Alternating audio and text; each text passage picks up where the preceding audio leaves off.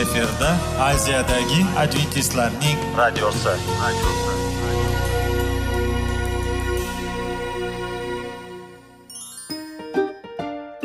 assalomu alaykum radio tinglovchimiz dasturimizga xush kelibsiz va bizni tinglayotganingizga sizdan judayam minnatdormiz bugungi bizning dasturimizning nomi sog'liq daqiqasi deb ataladi va biz sizlarga bu dasturda mevalarning foydasi haqida so'zlab bermoqchimiz ya'ni uning tarkibi uning tarixini va foydali xususiyatlari haqida. Aziz do'stlar mevani iste'mol qilish kerak ekan va biz boshladik ketdik. Sog'liq daqiqasi soliqning kaliti qiziqarli ma'lumotlar faktlar. Har kuni siz uchun foydali maslahatlar. Sog'liq daqiqasi rubrikasi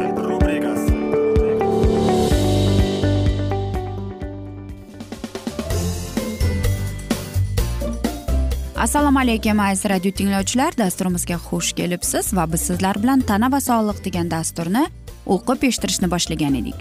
Va bugungi bizning dasturimizning mavzusi ishtahangizga yangi xohishlarni o'rgating deb nomlanadi. Albatta biz sizlar bilan uchrash yana uchrashib turganimizdan bag'oyat xursandmiz. Va biz sizlarga o'tgan galgi dasturda va'da bergan edikki Э, bugungi bizning dasturimizning mavzusi qanday qilib kichkina hayvonimizni yangi bizning ishtahamizni boshqarish. Qanday qilib biz o'zimizning ishtahamizni o'rgatishimiz kerak?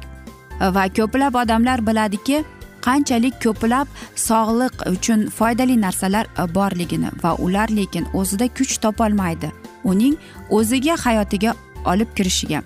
Men nima qilishim kerak deb aytishadi ular. Qanday qilib men o'zimning hayotimni sevib qolishim kerakki uni sog'lom va foydali qilish uchun va bundan lazzatlanish uchun deb. Bugun biz sizlar bilan birozgina bilib olamiz qanday qilib biz o'zimizning xohishlarimizni o'zgartirishimiz uchun va unutmang faqatgina bilimning o'zi yetarli emas. Agar siz bugun hozir to'g'ri qaror qabul qilgan bo'lsangiz bugungi dasturimizdan keyin va biz siz uchun baxtli bo'lamiz. Albatta ishtahani o'rgatish bu judayam aytaylik uzoq va sekin bir aytaylik munosabat. E, lekin bu judayam kerakli chunki bu bizning sog'lig'imizga kerak bo'ladi. Keling. Birinchi bu usuli albatta bu o'rganishimiz kerak. Ya'ni biz e, sog'lom hayot haqida uning foydali odatlari haqida sog'lom hayotning qanday qilib e, usullari bor? Bu albatta aytganmiz o'qish. Masalan bugungi bizning kitobimiz bu olma haqida uning bizga bo'lgan sog'liqqa qanchalik foydali haqida. Albatta kitob o'qildi va biz o'zimizga kerakli xabarni olib oldik. Bu aytishimiz kerak. Bu olma men uchun foydali menga uning rangi va uning tuzilishi yoqadi deb. Mana shu asnoda aziz do'stlar siz har kuni mana shu olmani yeganingizdan keyin siz foydali odatni kirib o'tasiz. Yoki aytamizki aytamiz olma mening eng shirin ovqatim deb. E, bu albatta eng chiroyli va to'g'ri usul deb. Va yana bir yangi usulimiz e, bu albatta ko'plab foydali odatlarni olib keltirish. Agar biz o'zimizni to'g'ri ovqatlanishga majbur qilayotgan bo'lsak lekin mana shu majbur qilyapti. Biz to'g'ri ovqatlanayotganimizda biz baxtni va lazzatni his qilmasak unda vaqti vaqti bilan bizga og'ir bo'lib qoladi va ertami kech mana shu narsani biz tashlab yuboramiz. Chunki u bizga judayam og'ir yuk bo'lib qoladi. Aziz do'stlar biz aytamizki sizlarga foydali odatlarni kirgizing deb. Bu ikkinchi narsa bu albatta biz kimnidir o'zimizga misol qilib olishimiz kerak. Agar biz yaqinlarimiz yoki do'stlarimiz ularning yaxshi va foydali odatlarini ko'rib tursak biz nima qilishimiz kerak? Biz ham o'ylanishimiz kerak.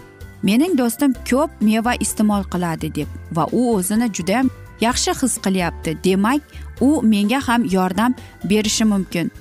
Albatta men mana shu narsani iste'mol qilib ko'rishim kerak deb. Va albatta yana bir usul bu doimiy qaytarish ya'ni biz har doim ham buni qaytaraversak biz mana shu narsani foydali odat qilib olamiz. Aytamizki men har kuni sayr qilaman deb va vaqti kelib bu menga yoqadi deb aytamiz. Buni aytamizki biz o'zimizga o'zimiz gapirish qanchalik shirin ya'ni masalan qanday go'zal olma qanchalik u shirin hidi bor deb u menga foydali deb. Albatta bu ishlaydi. Yoki aytaylik boshqalarga yordam bermasa siz do'stingizga murojaat qilishingiz mumkin. Iltimos menga yordam ber tamaki tashlashga deb. Har kuni shuni harakat qilyapman lekin meni mana shu tamaki tortaman deganimda men nima qilishimni bilmay qolyapman. Kel men senga har safar tamaki tortgim kelganda men senga qo'ng'iroq qilib turaman deb aytasiz. Men umid qilaman men bilaman sizni do'stingiz mana shunday narsani sizni baxt bilan bag'oyat xursand bo'lib sizni qo'llab quvvatlaydi albatta.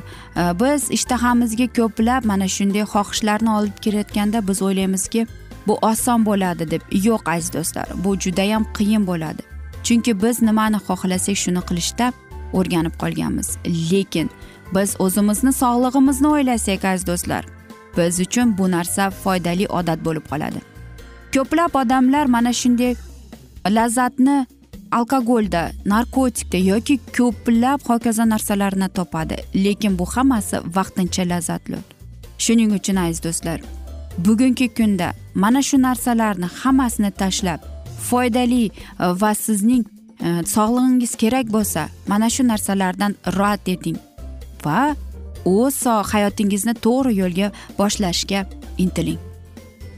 Hech ham aziz do'stlar o'ylamang. Bu siz o'zingizni qattiq qilib o'zingizga kuch bermang. Hamma narsa ham har doim ham darrov bo'lmaydi. Birozgina kichkina qadamlar bilan uni boshlab keling. Shuni yodda tuting. Lekin bir tarafdan ham o'zingizni iroda kuchingizni bor kuchingiz bilan ishlating. Va mana shu ovqat sizga to'g'ri iste'mol qilib sizga kerakli bo'lib qoladi. Har kuni sizning kuchingizda sizning miyangizni va tanangizga foyda keltirish faqatgina sizning tanlovingizdan. Oxir oqibat mana shu tanlov esa faqatgina sizga kerak bo'ladi. Biz esa sizlar bilan xayolan siz bilan bo'lamiz va biz ham xuddi mana shunday tarz hayotda yashashga harakat qilamiz va u sizda qo'lingizdan keladi aziz do'stlar. Mana shu asnoda sizlarga omad tilab qolamiz. Aziz do'stlar mana shu asnoda bugungi dasturimizni afsuski yakunlab qolamiz chunki bizning dasturimizga vaqt birozgina chetlatilgani sababli lekin keyingi dasturda albatta mana shu mavzuni yana o'qib eshittiramiz. Va albatta sizlarda savollar tug'ilgan bo'lsa biz sizlarni salomat klub internet saytimizga taklif qilib qolamiz. Va sizlarga sog'lik salomatlik tilab xayr sog' bo'ling deb yuzingizdan tabassum hech ham ayrimasin deb sog' bo'ling deymiz.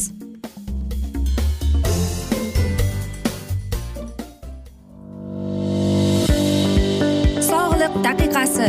Soliqning kaliti. Qiziqarli ma'lumotlar faktlar. Har kuni siz uchun foydali maslahatlar. Sog'liq daqiqasi rubrikasi.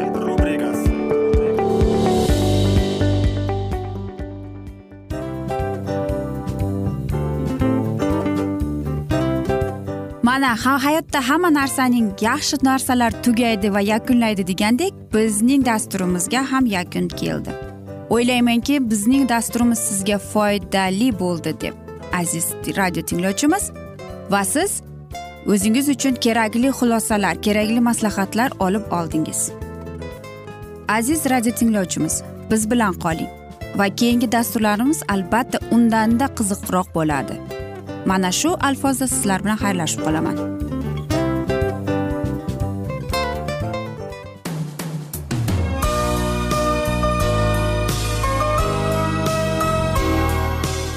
Efirda aziyadagi adventistlarning radiosi.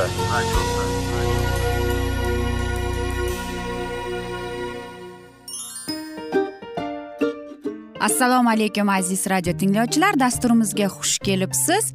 Va sizlarni bugun biz munosabatlar haqida sizlar bilan suhbat qurmoqchimiz. Ya'ni ikki sevishganlar to'g'risida yoki er xotinning o'rtasida bo'lgan munosabatlar haqida.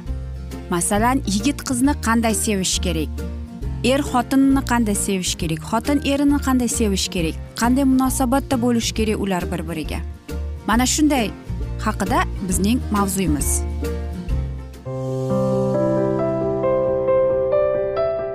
Har kuni har xil kasbdagi odamlar bilan sirlashish va bo'lishish sevgi rashq munosabat bularni hammasi izhori rubrikasida.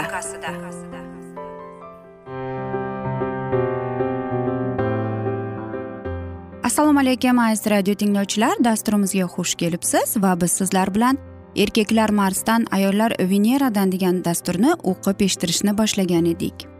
Va bizning bugungi dasturimizning mavzusi erkak kishi bilan qanday suhbat qilish kerak deb nomlanadi. Albatta biz aytamiz Э, biz bilamiz qanday qilib suhbat qilishni deb. Lekin qanday qilib to'g'ri e, va qanday to'g'ri mana shunday muammolar bo'lganda u bilan suhbatlash haqida bugungi bizning dasturimiz. Va albatta erkak kishi o'zining g'origa kirib ketganda yoki aytaylik yolg'iz bo'lib qolishni xohlab qolsa e, bu albatta suhbat uchun noqulay vaqt bo'lib qoladi. Shuning uchun siz birozgina unga vaqt bering. Mayli birozgina uzoqlashsin va uni qo'yib yuboray keyin esa birozgina vaqt o'tgandan keyin albatta erkak kishi qaytib keladi. Sevuvchi sizni hamma narsada qo'llab quvvatlaydigan bo'lib va siz bilan xuddi hech narsa bo'lmaganday munosabatda bo'lib keladi. Keling bugun biz sizlar bilan qaysi mahalda u bilan gaplashish kerak? Mana shunday uchta vaqti bor ekan. Va albatta mana shunday bir oltin vaqt bo'lganda erkak kishi o'zi xohlaydi yaqinlashishni va suhbatda o'zini doimiy aktiv bo'lib qoladi. Ayollar esa aksincha bo'lib qoladi. Ular umuman suhbatga tayyor emas bo'ladi va indamay jim o'tiraveradi. Va bu narsalar albatta faqatgina uchta sababdan bo'lib kelib chiqadi.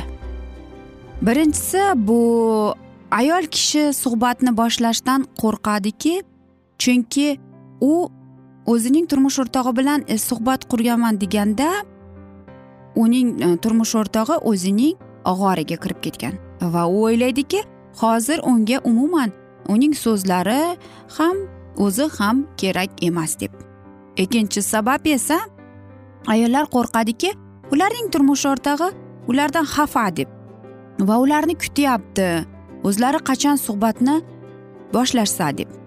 U biladiki agar ayol kishi o'zi boshlab o'zi aytaylik e, mana shunday narsaga birinchi bo'lib qadam qo'ysa u bu ayol kishi o'ylaydiki mening turmush o'rtog'im mening so'zlarim ham men ham kerak emasman va umuman unga qiziqi yo'q deb.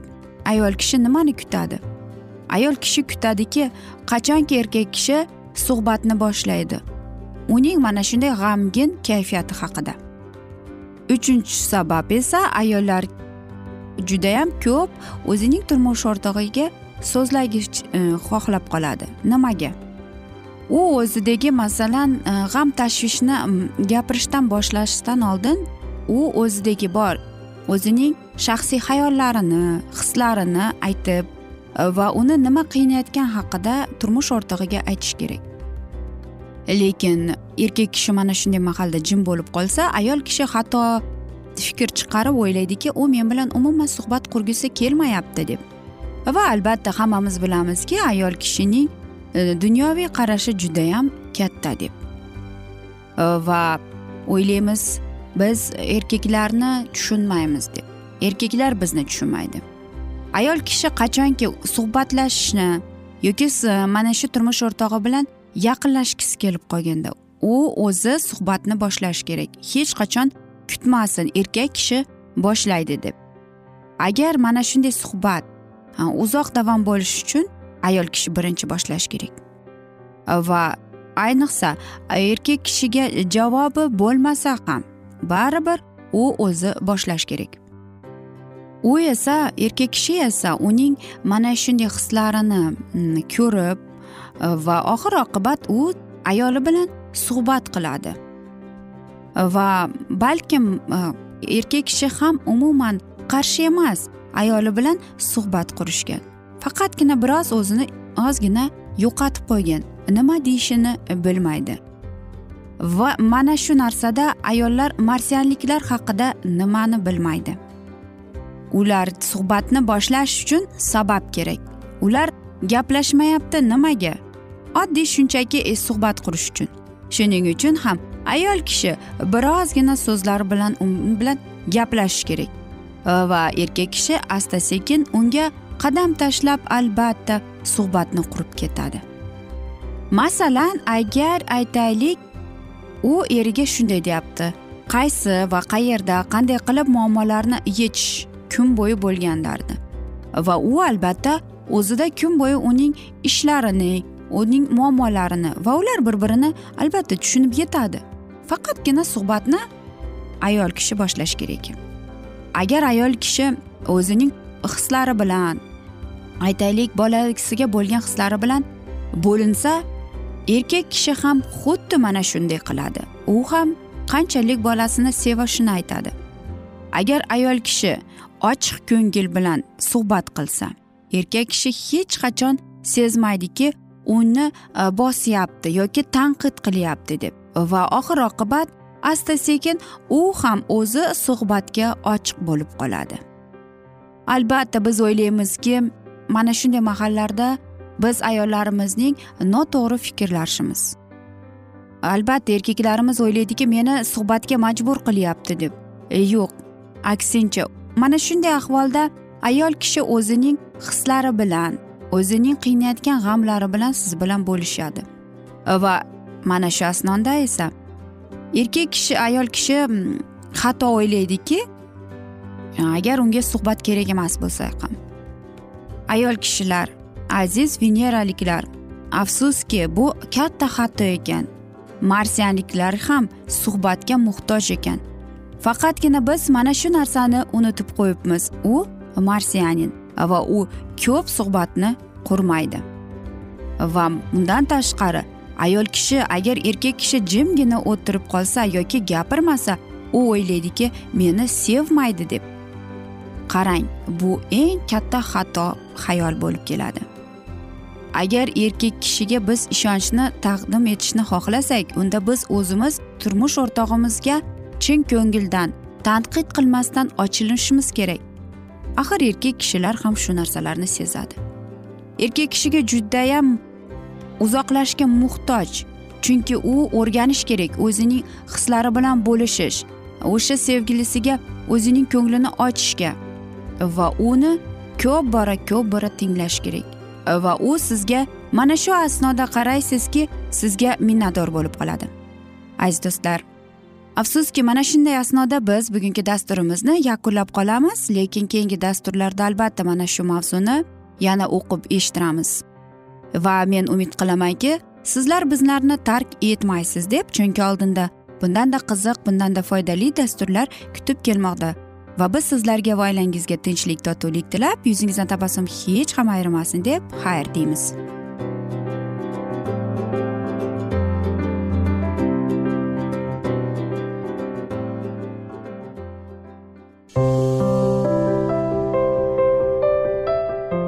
Kuni har xil kasbdagi odamlar bilan sirlashish va bo'lishish sevgi rashq munosabat bularni hammasi dil izhori rubrikasida.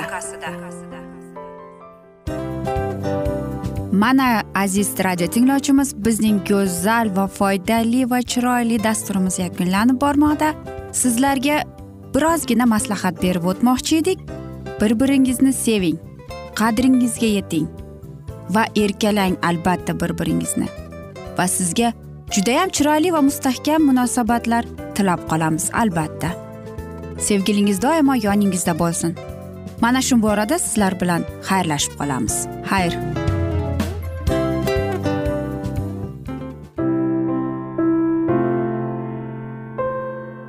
Hayotning noni. Qiziqtirgan savollar va javoblar. Buning hammasi ko'ngil uchun oziqa rubrikasida.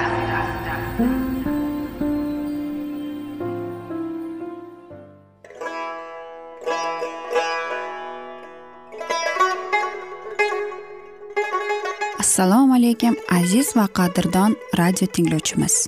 Dasturimizga xush kelibsiz. Bizni tanlaganingizga sizdan minnatdormiz.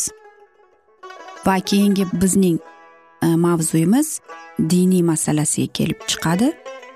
Albatta hayot davomida bizni ko'plab qiziqtirgan savollar bordir va mana shu savollarga qayerdan javob olsam ekan deb o'ylanib chiqamiz yoki hayotning ma'nosi nimada deb o'ylanamiz. Mana shunday dasturlar o'ylaymanki siz sizga foyda bo'ladi deb. Aziz do'stlar e, bugungi bizning mavzuyimizning nomi vahiy kitobning ochilishi. Ya'ni bu muqaddas kitobda shunday deb yozilgan. Vahiy kitobning bizga bo'lgan buyuk sovg'asi deb. Albatta mana shunday kitobni eshitib quloq solib e'tiborli bo'lsak biz o'zimizning qiziqtirgan hayotning ma'nosini tushuntirgan bizni kelajakda nima kutayotganini mana shu kitobdan bilib olamiz albatta. Va xudoyim bizga qanday rejalar ochgan bizga qanday kelajak kutayotganini aynan mana shu kitobda yozilgan va bizga mana shu kitob orqali xudoyim bizga aytib bergan. Keling aziz do'stlar mana shu kitobni e'tiborli va yaxshilab quloq solib va chuqurroq nazar solaylik shu muqaddas kitobga. Assalomu alaykum aziz radio tinglovchilar dasturimizga xush kelibsiz. Va biz sizlar bilan ulug' kurash degan kitobni o'qib eshittirayotgan edik va bizning bugungi dasturimizning mavzusi niderlandiya va skandinaviyada iymon qahramonlari deb nomlanadi. Niderlandiyada papa hukmdorligi ancha erta qat'iy norozilikni keltirib chiqardi. Lyuterdan yetti yuz yil oldin ikki episkop mardona ravishda rim papasiga qarshi chiqdi. Ular rimda bo'lganlarida muqaddas taxtda o'tirganning haqiqiy qiyofasini ko'rdilar. Xudo jamoatni o'z malikasini kelini abadiy ta'sis qildi. Uni o'z merosining olijanob vasiy xudo unga gulchambar taqib hassa berdi. Sen o'g'ri esa bu inomlarni o'ziniki qilib olibsan. Sen ibodatxona xuddi xudoga o'xshab o'tiribsan. Sen cho'pon bo'lish o'rniga qo'ylar orasida bo'ri bo'lib olibsan. Men oliy episkopman deb bizni ishonishga majbur qilasan. E, lekin o'zingni zolimday tutasan. O'zingni xizmatkorlaringning xizmatkoriman deb atasan. Ammo hukmronlarning xo'jayini bo'lishiga intilasan. Sen xudoning nizomlaridan nafratlanasan. Muqaddas ruh butun yer yuzida hamma jamoatlarga asos solyapti biz fuqarolari bo'lgan xudoning shahri samochilarga cho'zilyapti. Payg'ambar eng katta shahar deb aytagan bobildan ham katta.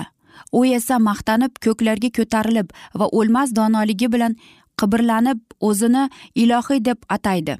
Hech qachon adashmaganman va adashishim mumkin emas deb maqtanadi. Ammo bunga hech qanday asos yo'q.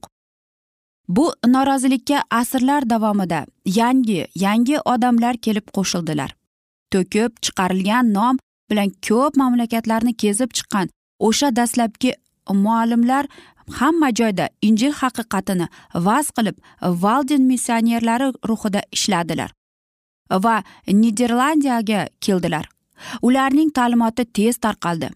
Ular muqaddas kitobni valdis tilidan golland tiliga tarjima qildilar va bu kitob ko'p foyda keltiradi. Chunki bu bunda kalt o'lik bironta masal hazil masxaralash ayyorlik yo'q balki faqat haqiqat so'zlari bor. Albatta bu kitobda o'ziga xos murakkabliklar bor ammo yaxshilik va muqaddaslik mohiyati har bir odamning tushunishi uchun to'liq maqlubdir deb tasdiqladilar.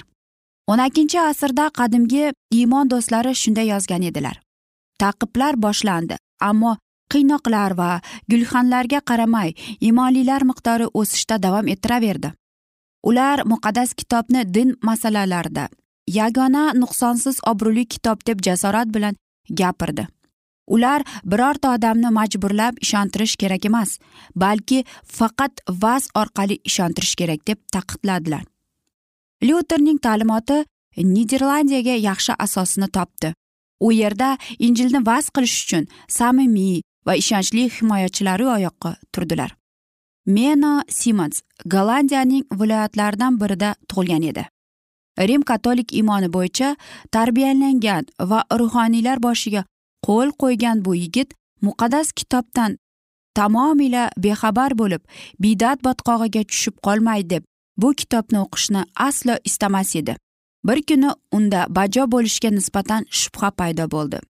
U buni iblisning vasvasasi bo'lsa kerak deb hisobladi va bunday fikrlardan qutulish uchun ibodat qildi tavba qildi.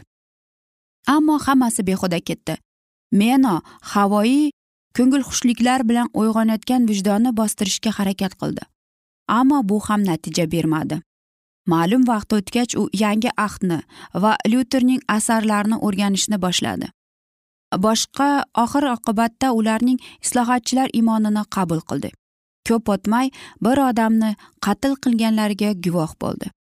O'sha odam qaytadan suvda imonga kiritilgani uchun boshini olib olishga ekan. Shu voqea uni chaqaloqlarni suvda imonga kiritish muammosini hal qilish uchun muqaddas kitobga murojaat etishga undadi. Muqaddas kitobdan birorta ham shunga o'xshash hodisani topa olmadi. Aksincha tavba va ishonch suvda iymon keltirishni qabul qilish uchun zarur shart ekanligiga ishonch hosil qildi. Meno rim jamoatini tark etib butun dunyo hayotini o'zi qabul qilgan haqiqatni vaz qilishga bag'ishladi. O'sha paytda germaniyada ham niderlandiyada ham bir qancha mutaassiblar paydo bo'ldi. Ular ma'nisiz isyonkor ta'limotlarni tarqatar bu ta'limotlari jamiyatning barqarorligini buzishga zo'ravonlik va tartibsizliklarni keltirib chiqarishga qaratilgan edi. Mena bu harakatlarning dahshatli oqibatlarini oldidan ko'rdi va mutassiblarning yolg'on g'oyalari va yovvoyi rejalari bilan kurashishga kirishdi. Bir qancha odamlar dastlab isyonkor ta'limotiga maftun bo'ldilar. Ammo keyin halokatga olib boradigan xatolardan voz kechdi. Bundan tashqari qadimgi masihiylarning ya'ni valdenslar avlodining ko'plab izdoshlari e, bor edi. Bu odamlar orasida meno muvaffaqiyat bilan o'z ishini e, boshladi. Meno yigirma besh yil xotini e, bolalari bilan olib sayohat qildi. Bu hayot davomida unga ko'plab unga darslik berdi. U butun niderlandiya va shimoliy germaniya bo'ylab sayohat qilib asosan oddiy xalq orasida mehnat qilib uzoqqa boradigan ta'sir o'tkazdi. U garchi har tomonlama bilim olmagan bo'lsa ham tabiatdan xudo bergan notiq bo'lib o'ta halol ruhan sezgir mo'min odam edi. Aziz do'stlar mana shu alfozda afsuski biz bugungi dasturimizni yakunlab qolamiz chunki bizning dasturimizga vaqt birozgina chetlatilgani sababli. Ammo lekin aziz do'stlar sizlarda savollar tug'ilgan bo'lsa biz sizlarni alkitab media internet saytimizga taklif qilib qolamiz va albatta sizlarga oilangizga yaqinlaringizga tinchlik totuvlik sog'lik salomatlik tilab yuzingizdan tabassum hech ham ayrimasin deb xayr sog' bo'ling omon qoling deymiz.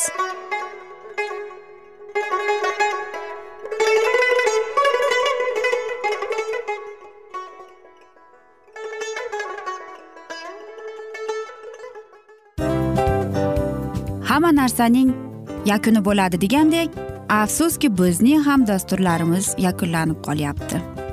Va biz o'ylaymizki bizning dasturimizdan o'zingiz uchun kerakli va foydali maslahatlar olib oldingiz. Sog'liq borasida sizga foydali maslahat berganmiz deb umid qilaman albatta. Va sizlarga mana shu borada sog'liq tilab qolaman. Munosabatlarga kelganda esa sizlarga sevgi omad va albatta yaxshi munosabatlar tilab qolamiz. Uchinchisiga kelganda esa bu juda chuqur va e'tiborli nazarni qumsaydi. Va sizlarga mana shu yaxshilik kayfiyatda sizni kayfiyatingizni ko'targan holda sizlar bilan xayrlashib qolaman afsuski. Ammo lekin keyingi dasturlarimiz undanda qiziq bo'ladi. Va siz biz bilan bo'ling. Bizni tanlaganingiz uchun sizlarga rahmat. Omad sizlarga. Xayr.